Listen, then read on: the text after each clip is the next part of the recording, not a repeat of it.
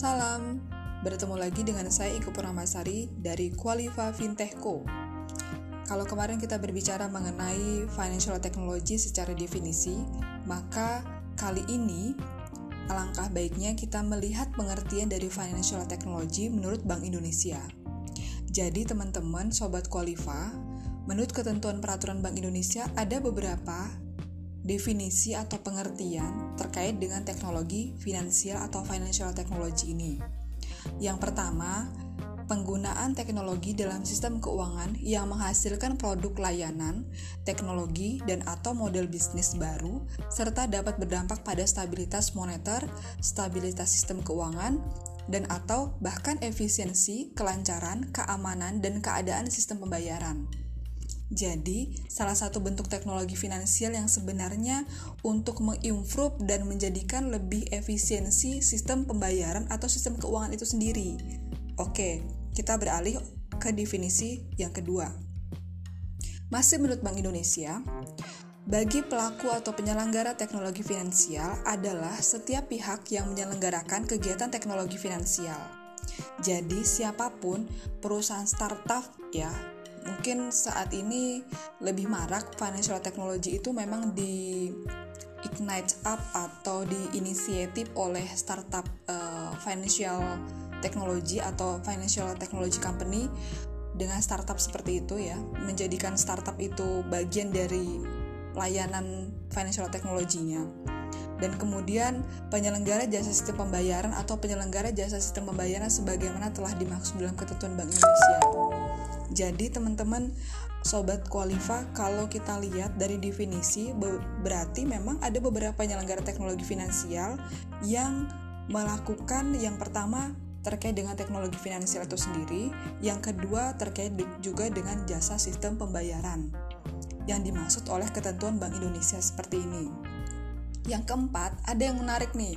Nanti mungkin suatu ketika saya akan membahas secara spesifik mengenai regulatory sandbox. Ya, jadi regulator sandbox adalah suatu ruang uji coba terbatas yang aman untuk menguji atau penyelenggara teknologi, finansial beserta produk, layanan teknologi dan atau model bisnisnya. Jadi menariknya regulator sandbox ini juga bagian dari ketentuan peraturan dari Bank Indonesia, selainnya adalah otoritas jasa keuangan.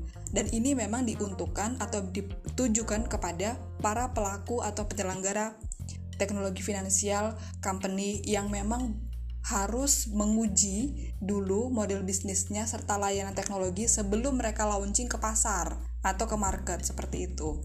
Jadi, kalau berdasarkan definisi dari uh, peraturan perundang-undangan Bank Indonesia bahwa munculnya peraturan untuk financial technology ini didasarkan beberapa pertimbangan. Jadi sobat Qualifa juga perlu tahu kenapa adanya aturan-aturan dari financial technology atau definisi-definisi yang sudah saya terangkan di awal tadi. Yang pertama adalah karena adanya perkembangan teknologi dan sistem informasi yang terus melahirkan berbagai inovasi khususnya di bidang finansial. Yang kedua, perkembangan teknologi finansial tersebut membawa dampak positif, namun sekaligus juga memiliki potensi risiko. Jadi memang selain ada bahasanya gitu, ada disruption gitu ya. Jadi di samping ada efisiensi atau manfaat yang didapat dari teknologi finansial, tapi sebenarnya teknologi ini juga punya potensi resiko. Nanti ke depan-kedepannya kita berbicara mengenai potensi risikonya ya. Yang selanjutnya adalah kenapa ada pertimbangan beberapa aturan ini atau definisi yang dibuat oleh peraturan Bank Indonesia.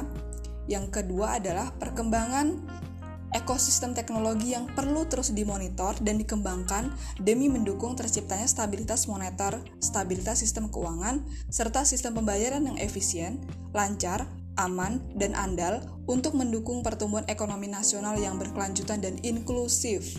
Jadi ada berkelanjutan dan inklusif. Apa itu?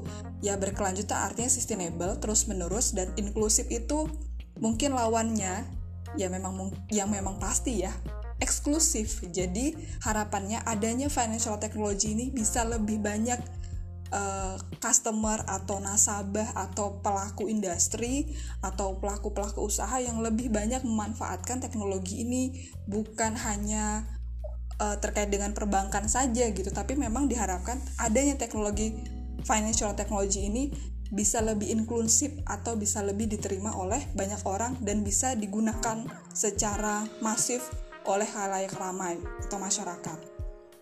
Yang selanjutnya adalah penyelenggaraan teknologi finansial haruslah menerapkan prinsip perlindungan terhadap konsumen serta manajemen risiko. Seperti saya sampaikan tadi di awal, nanti kita akan membahas sedikit atau ada part tertentu terkait dengan manajemen risiko.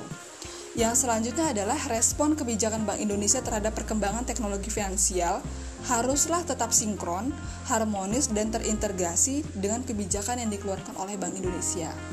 Jadi demikian uh, Sobat Kualifa untuk penjelasan uh, definisi dan kenapa ini juga menjadi bagian peraturan perundang-undangan Bank Indonesia yang uh, menjadikan sebagai guidance gitu untuk pelaku usaha atau penyelenggara teknologi finansial atau financial technology di Indonesia khususnya. Sekian, pantengin terus Kualifa Fintechco. Salam.